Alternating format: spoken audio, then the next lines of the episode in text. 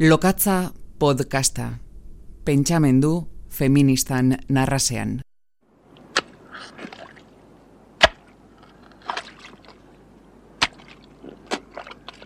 Gure amaren jeseriaseko kartzelaldiko argazki bat dut aurrean. San Fermin eguna da eta Madrileko eguzki galdatan daude dozena pasa emakume armailatan. Gehienak arropa zurigorria jantzita ezagun dute ez dela San Fermina kartzelan pasatzen dituzten lehenengo urtea. Gure ama eta beste kide batzuk ohiko arroparekin ageri dira. Hamar egunez komisaldegian torturalatzak pasa osteko orbanak azalean eta betirako arrastoak barruan dituztela. Mila bederatzireun eta larogeita laua da. Erresilientzia, elkartasuna, maitasuna, euskal kantak eta trapuzko panpinak ekarri nituen, kartzelako korridore eta ziegetan barrena amari egindako bisitatik. Urrun dago euren borrokaren kontakizuna eroiez ikasita daukagunetik. Aupa gizona jaiki mutil, atzarre maztetan eskatil. Gure gudariak ere ukabila estututa agertu zaizkigu beti, austeko zirrikiturik gabe, indartxu, beti, beti gizon. Hortik kontakizunak, errelatoak eta historia. Historia handia. Jeseria sekoen epika ez da erakutsi, ez da kontatu, ez da amargotu, ez da kantatu. Herri borroketan emakumeak ere bigarren mailako eta beraz ez epiko. Epikoa delako handia ikusgarria indartsua bizitza galtzea edo irabaztea dakarrena iruditeria oso bat eta zakua bete esan nahi, gizonen neurrira eraikiak eta emakumei ebatxiak. Euskadiren alde, loturik bagare, Aborto eskubidearen aldarrietan, Euskararen eta Euskal kulturaren aitzindaritzan, alarde parekiden aldeko borrokan, zientzian, politikan, ekonomian, aurreta helduen zaintza lanetan, bigarren mailan jarriteko zenbat emakume eta borroka, benetan bizitzari eusten diotenak. Epikoa zeri esaten zaion. Epika berri bat beharrote dugun gogo eta airean dabil garai ziklo aldi berri honetan. Nago epikaren esanaia errebisatu eta eroikotasunetik bizigarritasunera doan bideak emango digula erantzunen bat. Marina Garzez filosofoari irakurri nion angelu itxuak maite dituela. Gauzak bestela ikusten hasteko bidea direla. Horiek aurkituz gero, hauen eragin askatzailez jabetuko garela. Behar bada nahikoa izango zaigu gure B aldea ikusgai jartzea. Epika berria baino, epikaren begirada berria topatzeko. B alde horretan daude, borroka, bidea eta bakarra. Arrizko garaietatik lurraren denborara joateko garaia da.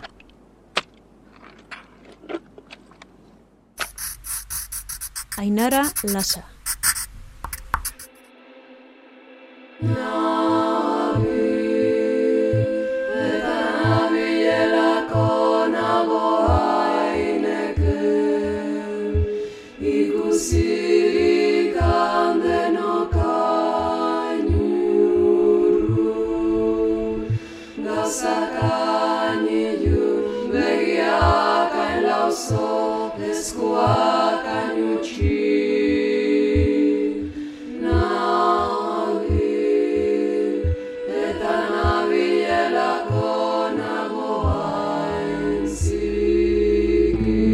lokatza, gabiltzalako gaude ainezikin.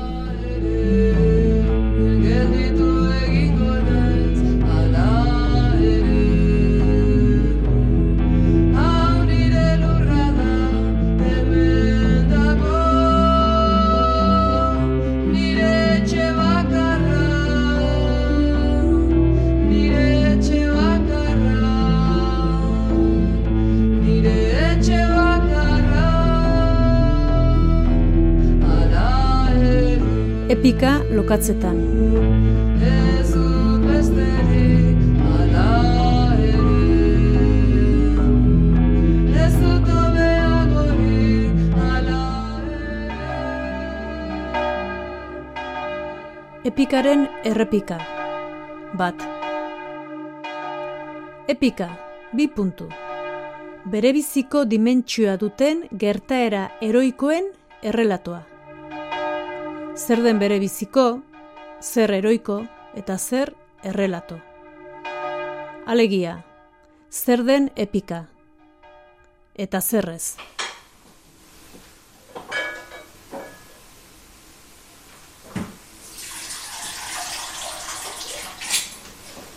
Errauts zapia, erratza, lumazko jatxak.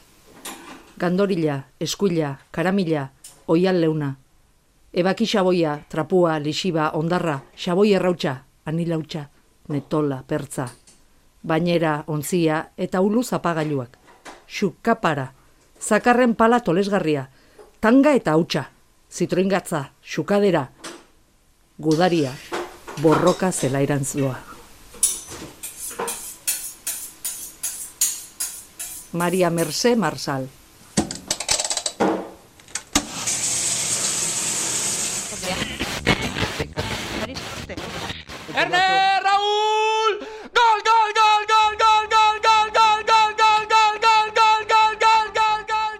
Mitoen asuntoa ez dut oso ondo eramaten. E, pertsona gara? Egia da emozio bat lortzeko aukera dugula, emozionatzeko abantaia hori daukagula eta eta oso garrantzitsua dela. Jendea emozioak sentitzea eramatea eta niretzat horrela da.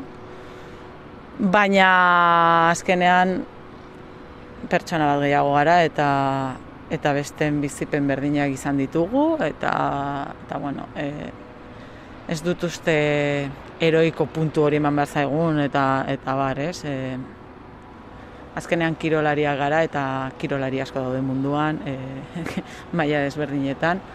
Takit e, edukazioagatik den, ez dut ikusten hain epikotzat gure, gure lana.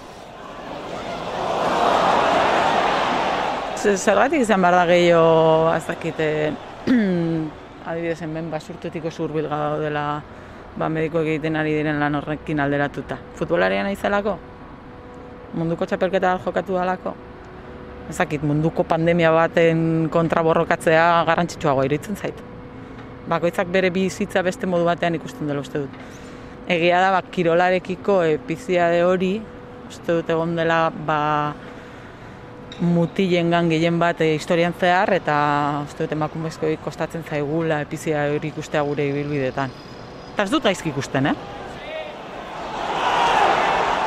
Futbol estadioak guduzelai eta eliteko futbolari gizonezkoak soldadu traza hartua duten garaiotan, zer den epika ainoa tirapurentzat jeitsi ginen udaletxera sartzeko, baina eia san ikuspegia balkoitik e, oso desberdina da. Goitik ikusten duzunean dena, e, asko zera handi bihurtzen da.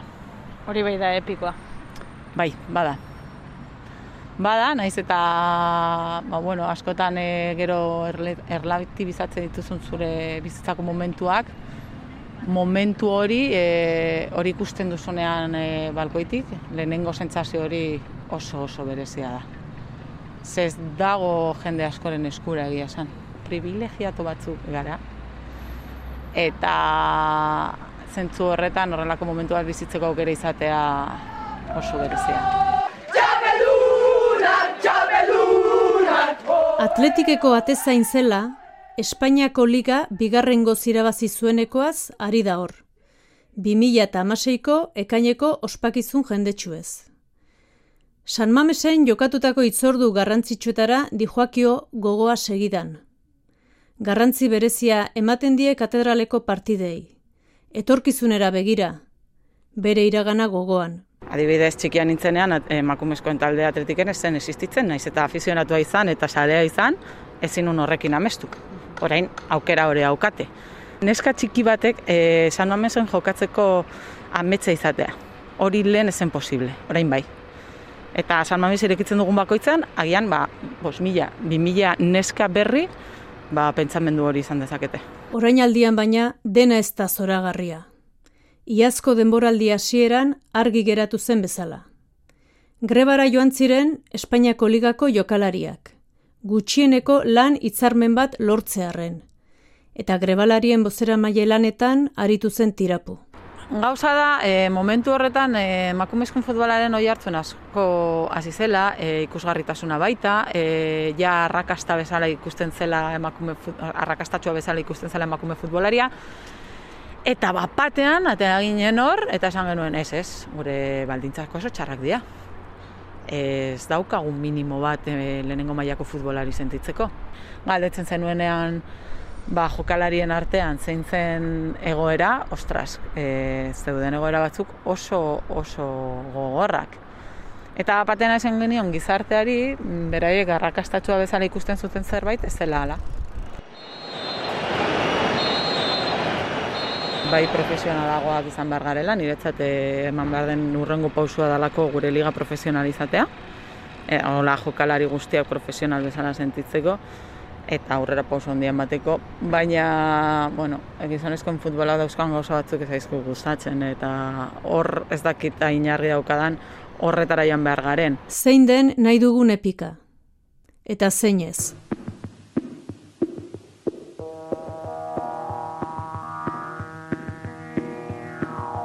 Catch a Head on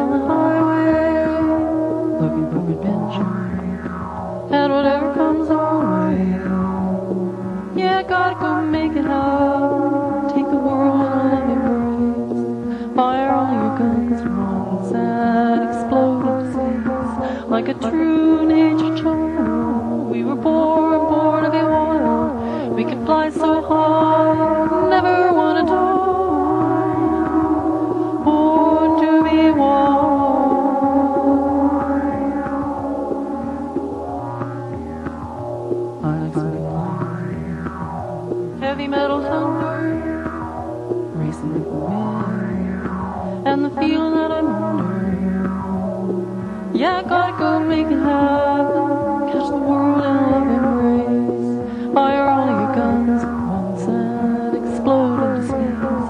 like a true nature child. We were born,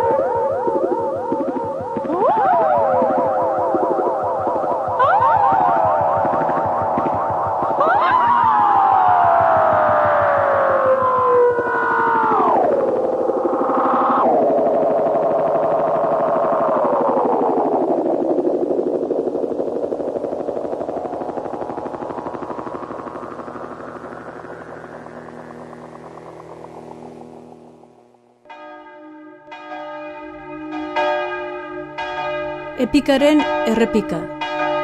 Bi. Zer den epika? Eta zerrez? Gaude, hau da San Francisco, Elisa, hau da Zaramaga usoa, hemen egiz- egin, zite, egin ziren asamblada orokorrak. Handiak, eta ona zabalak ziren. Umeak, amonak, jente guztia etortzen zen. Ona. Eta asamblada orokorrak izaten ziren, uste dut astean behin. Eta fabrika guztiak batzen ziren eta informazioa ematen zuten. Bego oleaga, bizitoki duen gazteizen, denboran berrogeita bosturte atzera egiten. Ba, martxoak iruan, goizea zan ja berezia. Berezia zan. Ja, goizean tiroak egon ziren, benetazkoak. Egon zan egun bat oso polita urdin urdina, guzkitzoa, e, polizia, pila. Adelante, Charlie, cambio. Vamos a ver, parece ser que en los alrededores de San Francisco no hay más gente. ¿Qué hacemos, cambio? Si hay gente por ellos, cambio. Para Charlie 1, cambio. Aloja todo desalojable, cambio. Adelante, Charlie, cambio. Me dispongo a entrar en la iglesia, cambio. De acuerdo, cambio. Greba orokorrak gazteiz gelditu zuen eguna. Poliziak, Zaramagako San Francisco elizan bildutako grebalariak sarraskitu zituena. La iglesia, cambio. Pero el Charlie 3. Intervenir los tres juntos, J2, J3 y Charlie 3. Sacarlos como sea, cambio. Deben estar en la iglesia todos arreándose como, como leones, cambio. Pero vamos a ver, ¿estáis cargando o qué? Cambio.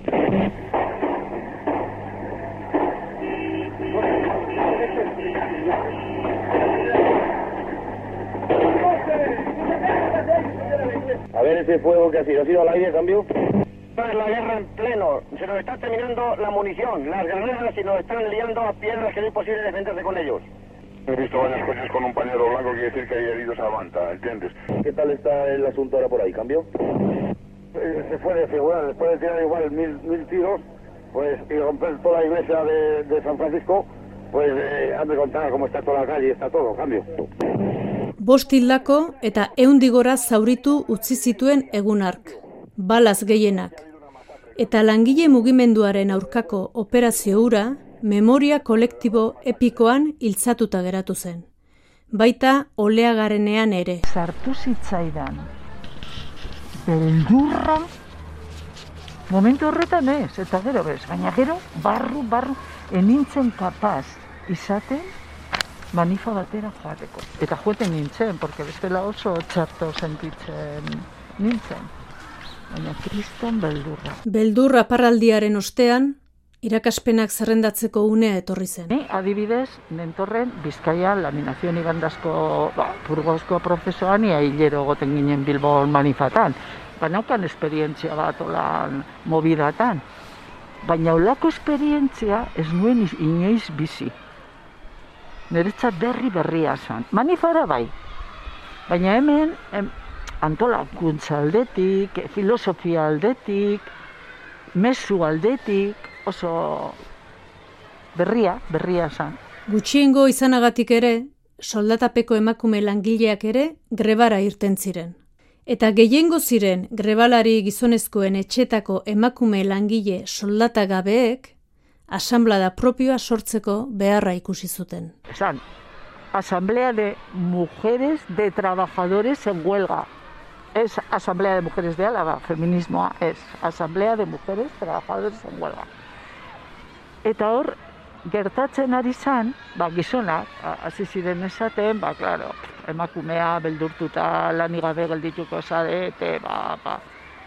Pues, betiko la gente ba, vulnerableena edo Eta hor ikusi izan, ba, egin behar dugu, ez dakit nori boruratuko zitzaion, egin behar dugu asamblada bat emakumena.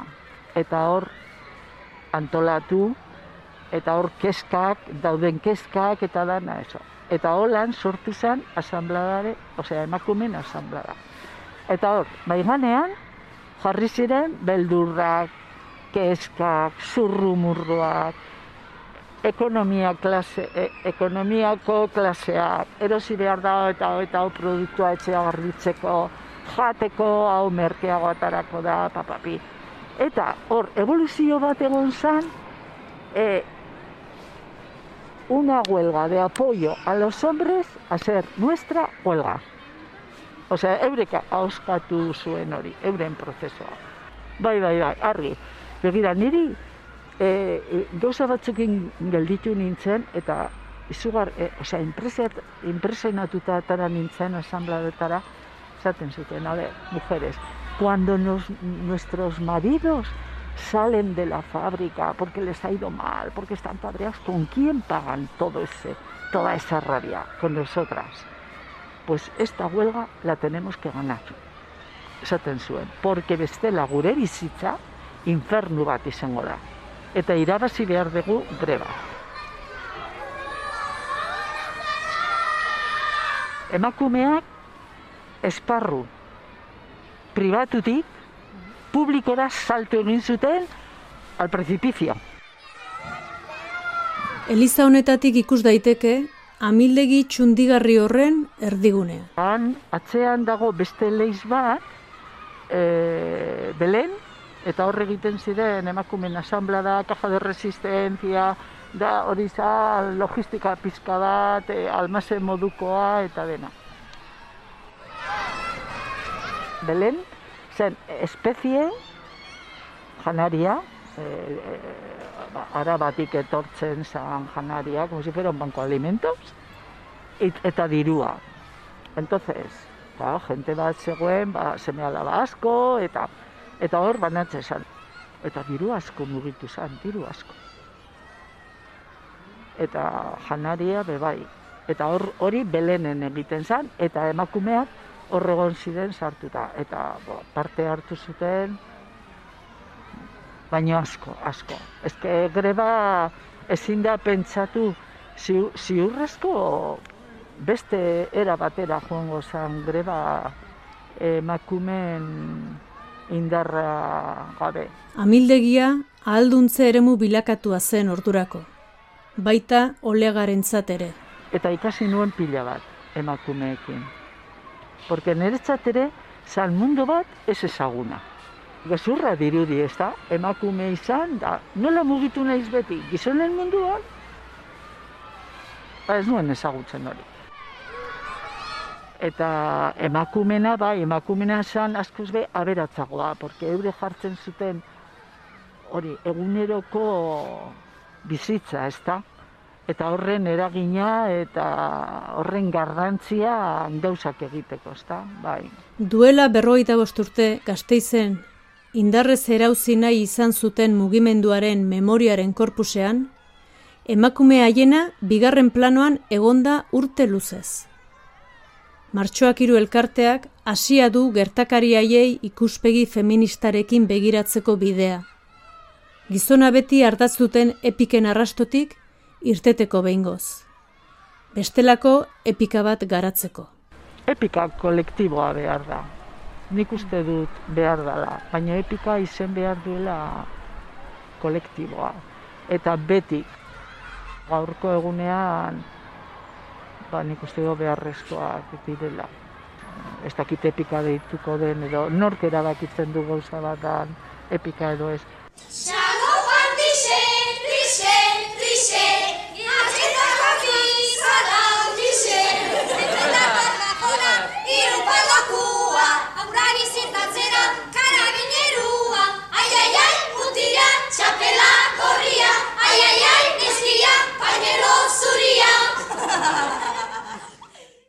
Ohar laburrak bat. Atzo, izara bat errezitzaidan, erregin nuen lisaburdinaz. Ogitxigortuaren koloreko triangelua estampatu nion telebistaren erruz.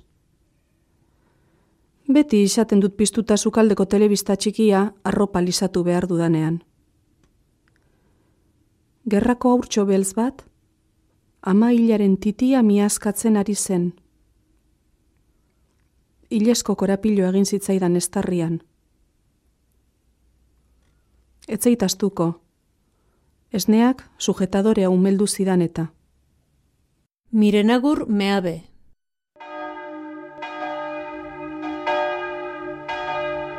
Epikaren errepika. Iru. Zer den epika? eta zerrez. Onartzea eta Argentinako senatuak azkenean onartu du abortoren lege. Con 38 votos afirmativos y 29 negativos y una abstención resulta aprobado, se convierte en ley y se gira al Poder Ejecutivo. Espero baino alde handiagoz, nagusitu da baiezkoa, hogeita emezortzi senatarik egindute alde, hogeita bederatzik aurka eta bat abstenitu eginda. Ego Ameriketan abortu eskubidea onartzen lehen herrialdea da Argentina, ondorioz, aurdunaldiko aurreneko amalau Ni etorri nintzen e, erizain egitera, e, bizkaitik, eatik, e, donostira. Da, hemen nengoela, bitu, estudiatzen ari nintzela, egon zan alako episodio bat emaku, neska gazte batek, abortatu goruk nahi izan zuen, eta perejilarekin egin zan, da guk ikusi gendun, osea, e, nola eramaten zuten korrikan operatzera ze, egin zuen septizemia batez eta hile izan. Da izen zan oso gogorra. Gogortasun horrek bultzatu zuen asun totorik aguena toto emakume mugimenduan militatzera. Jakin baitzekien ezela kasu bakan bat. Oraintxe ikusten ariko balitz bezala mintzo duela berrogeitaka urteko neskaaren ospitaleratzeaz. nik umeak izan nahi ditut, esaten zuen bitartean. Gogoratzen dut nola e, zegoen antxoni em- emakume bat ginekologoak esan zion bidean, berak esan zuen, "Nik, yo quiero tener hijos. Y le dijo, haber pensado antes.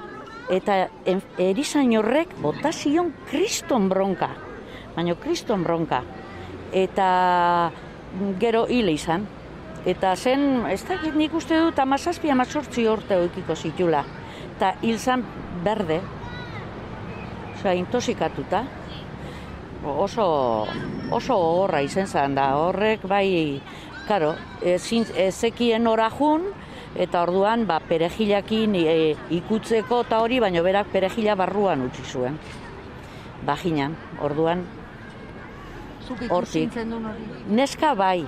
E, zijoanean, e, karo, gu egoten ginen da, bueno, radio makuto moduen pasaten ziren gauzak, eta junginen korrika, eta hori ikusi nuen. Nola ze bronka bota zion e, ginekologoari erizain, edadeko erizain batek, esanez ez dagoela eskubiderik hori egiteko.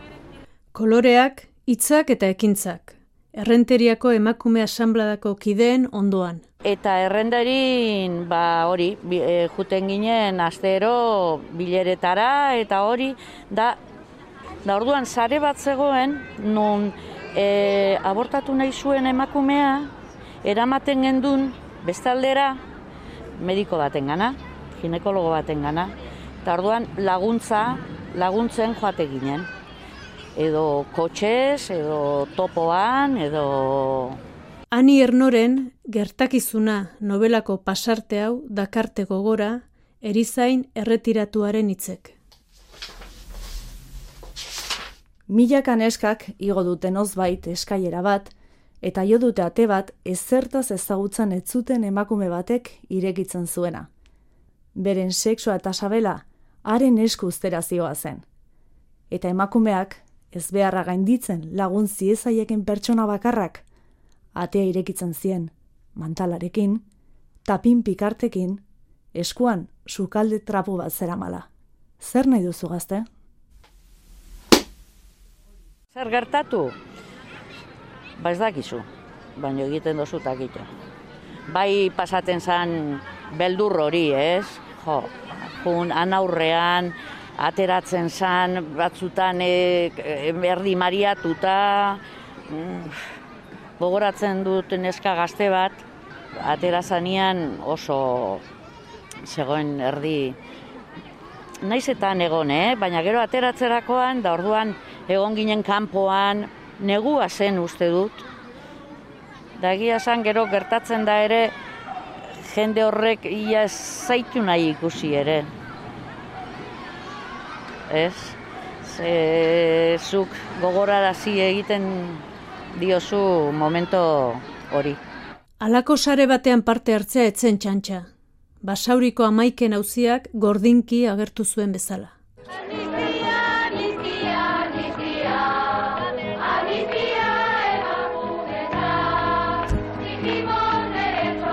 Mila behatzireun da irurogeita amaseiko urriaren sortzian eta bederatzean, amaika pertsona atxilotu zituzten basaurin. Langile klasekoak denak. Abortuak egitea, abortatzea edota abortatzera bultzatzea leporatu zieten. Mila behatzireun da irurogeita emeretzitik, mila behatzireun da larogeita bostera bitartean uzatu ziren auzibideetan, abortua despenalizatzeko aldarrikapenak eta mobilizazioek indar izugarria hartu zuten. Horretan ere hartu zuen parte totok. Lehenengo izan zela pixka bat, e, bizkaiko mm, epaiketeri baino lehenago, horeretan edo renderin, lagunak nitun, eta gero ara jonitzen bizitzera, beste hiru edo lau urte, eta mm, itxialdi batzuk egin ziren, e, epaiketa horien kontra. Eta hori, gau guztian e, sartu ginen e, udaletxean, eta, bueno, oso esperientzia politiak e, eman zirenan, ez? Errenteriako emakume asanbladak bazituen beste kezka batzuk ere garai hartan. Mila behatzireunda iruita meretziko abenduaren hogeita bian, Gipuzkoako gobernadorearen gana jo zuten bertako kideek beste hainbat herrikiderekin batera. Bi errenteriar gazte baitu eta bortxatu berri zituzten, eta sinetxita zeuden erasotzaileak, poliziak edo talde parapolizialetako kideak zirela. E, garai horretan egon ziren bortzaketak eta orduan baita ere atera gin, gin, ateratze ginen gauean esatera eskatzerak gaua eta kalea gurea ere gureak ere bazirela. Eta hori errebindikatzen, ez? Eta ateratzen ginen beldurraz, eh? Beldur pixka batekin ze egon ziren inguruan e, oi hartzun e, e, pasaian ez dakit, baino horretan bebai, bortzaketak. Eta, bueno, ba, bil, bizi duzu pixkat bildur hori ateratzen ginen etxetik alde guztietara begire, ze ateratzen ziren ala kaza, osea, hola zen, eh? Zein ateratzen ziren ala? Ba, guretzat, e, cuerpos de seguridad esaten dena. Guardia zibilak egin bat nik uste dut.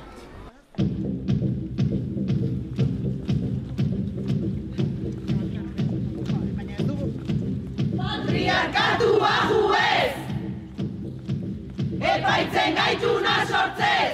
Sei hilabeteko epean gertatu ziren erasoaiek. Mila behatzireunda irurogeita meretzi, mila behatzireunda larogei bitartean, irun donostia errenteria korridorean. Gatazka politiko handiko eremua zen ura. Amalau eta emeretzi urte bitarteko emakumeak izan ziren ezagutzen diren sei biktimak. Guztien kasuan, erasotzaileek modus operandi bera erabili zuten. Binaka edo iruñaka arma laburrak eta ibilgailoak erabiliz, biktima baitu eta babesi gabeko lekuetara eramaten zuten. Gurasoen eta lagunen ideologia politikoari buruzko galdeketa egiten zieten segidan. Erasoetako batzuk, grupos armados espainoles taldeak hartu zituen bere gain. Batallon Basko Espainolen lanak izan ziren Maria Jose Bravo del Bayeren bortxaketa eta hilketa, mie behatzireunda larogeiko maiatzaren sortzian, Donostiako Loiolan. Hamasei urte zituen. Hasi eta hoi bezala bukatu zen erasoaldi ura, bat batean eta inori konturik eskatu gabe.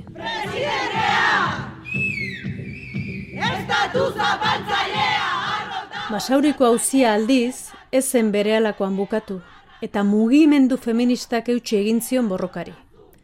Epaileek azken epaia eman eta gutxira, Espainiako gobernuak lege aldatu eta abortatzeko eskubidea aitortu zion emakumeari, baldintza jakin batzuetan. Abortatu duenaren gaineko estigma sozial zaharra berriz, indarrean dago. Lege aldaketa hori ez ote den mugimendu feministaren azken hamarkadetako garaipen handiena? Bortxatzailea nor da zu! Bai, posible da, ze beste gauza batzutan ez dugu aurrera pena hundirik egin zaintzan, zate baterako. Zaintzan oraindik asko dago egiteko. Gu interpelatu beharrean gizonak hasi behar garela interpelatzen. Zaintzan ez da inoiz epikarik izan. Emakumearenak jotzen diren eremuetan ez da epikarik bizi izan ere. Irabazleena izan ala galtzailena izan, gizona da epika guztien neurria. Gizontasun horretara egokitzen den neurrian, aitortzen zaio emakumeari epikotasuna. Azken batean, zilegi da tortura mai batean jasandako sufrimenduaz hitz egitea baina abortatzeko mai batean jasandako sufrimenduaz hitz egitea, ez. Epikaren errepika. Errepikaren epika. Zitzaidan. Arrazkiak. Zitzaidan. Zuei. Zitzaidan. Zitzaizkidan. Zitzaizkidan. Zitzaizkidan. Begira, ez bezizatu, posible zauziak garen artean Lurrean kondenatu, zaren langile tristea. Zitzaizkidan, lehena zitzaizkidan eta gero zitzaidan. Zindatu Zitzaizkidan eta gero zitzaidan. Oidenek saltxea egiteko, hori azkena dauzu bai. Jari, ari inozu azkena. Ontsa, eh? Filha, toca tá a parte.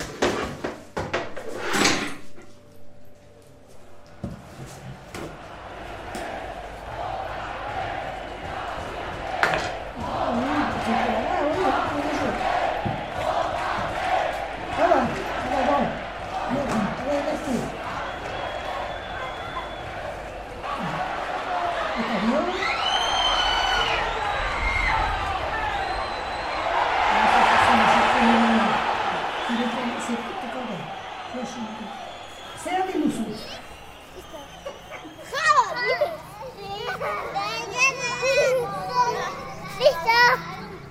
Listo, listo, listo, listo, listo. Nahi bukakoa. Lokatza, gabiltzalako gaude ainezikin.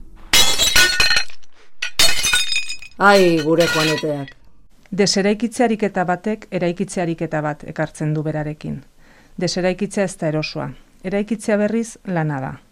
Hortan sormen lanek laguntzen dute maiz. Deseraikitzeko lana ematen edo eraikitzen.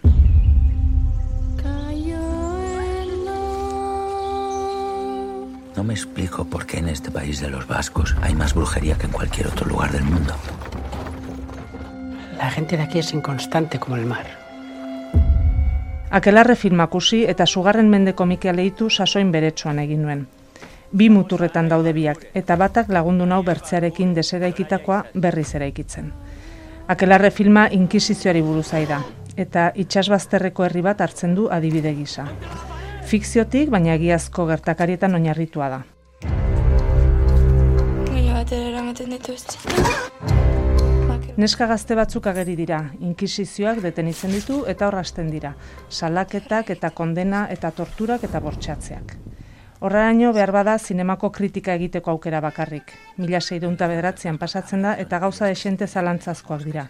Izena bizenak, bestimentak, hileak edo hile falta, euskera, inkisidore seduzitua, akitze sasi zoriontsua, baina hauek gaurkotasuna emateko em- egin omen zuen zuzendariak.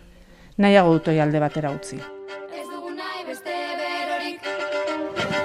Declaradas culpables de participación al Shabbat serán quemadas en la hoguera. Ez dugu nahi beste berorik zure musuen zua. Filma feministatako hartzea da kezkatzen hauen kontua. Eta behar bada zerbait salbatzen alda, segun noat begiratzen dugun. Neska gaztean dana bat, gorputz eredu batekoak egia erran. Errebeldeak, elkarri babesten diote lagunak dira, maite dut elkar. Ados, horra izpatasuna ikus daiteke, importantea da ez dutukatzen. Baina funtsean filmak horren azpian edo gainean bertze zerbait erakusten digu. Filman argi gelditzen da inkisizioak duen bersioa ez dela egiazkoa, baina ere mantentzen du bazegola mendian elkartze bat elkarrekin mozkortzea, aluzinatzea, dantzatzea. Gure iruditerian gelditu den akelarre bat erran nahi baita. Eta hor txekoska. Akelarrearen irudia inkisizioak asmatu zuen eta guk gurea egin dugu. Inkisizioak sinestarazi digu baietz, zerbait bazela. Elkartzen ziren, magia egiten zuten orgiak ere bai. Akaso gustatuko litzaiguke ala izatea eta hortaz sinesten dugu? Aldarrikatzen dugu?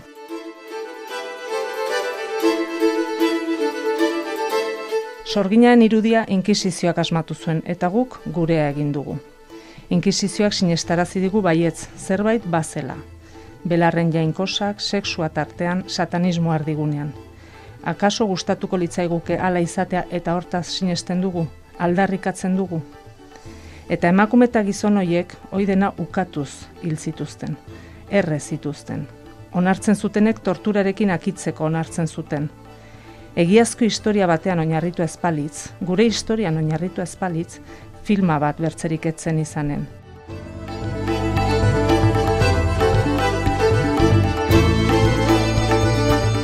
Sugarren mende komikiak pista berriak eman dizkit, hoben kajatzen dutenak. Inkisizioaren tribunalaren izate politiko eta poliziala ageri da. Herri oso baten gainetik pasatzeko zer nahi asmatu eta egin zuena. Herri baten izaera politikoaren gainetik pasatzeko moralitatea eta erlijio erabili zituena.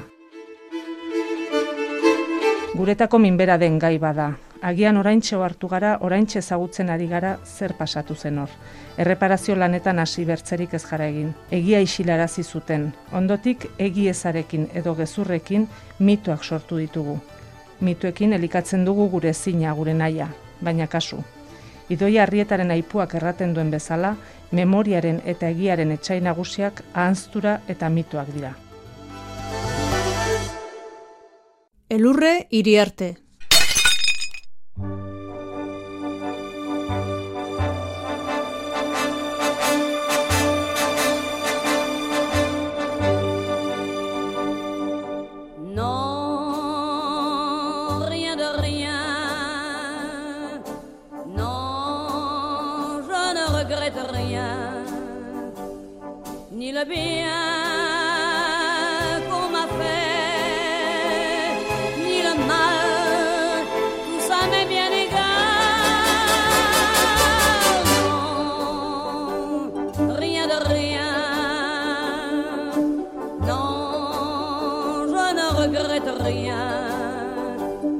c'est payer, balayer, oublié.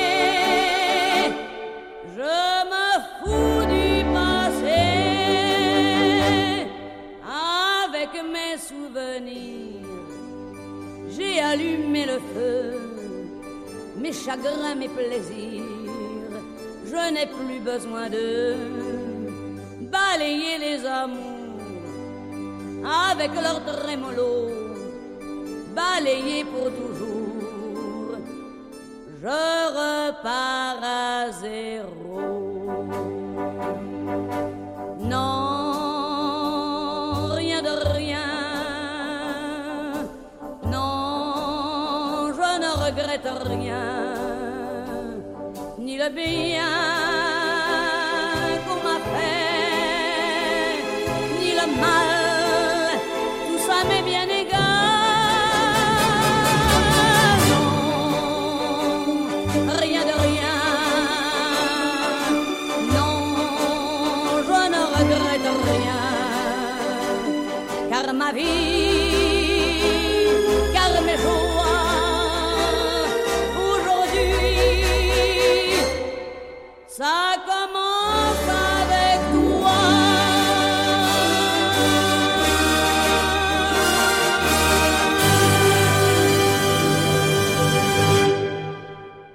Lokatza podcasta. Pentsamendu feministan narrasean.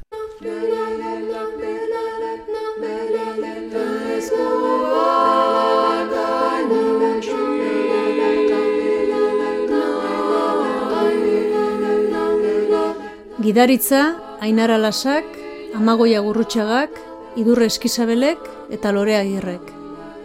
Sintonia Mursegok, Lurde Siriondoren hala ere berbizitatuz. Musika aukeraketa, Maider eta Leire trikitilariek. Errealizazioa, Miren Rubiok.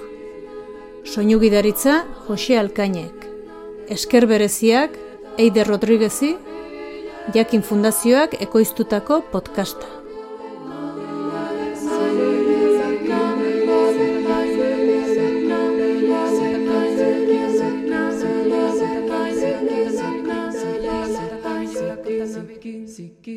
间，时间，时间，时间。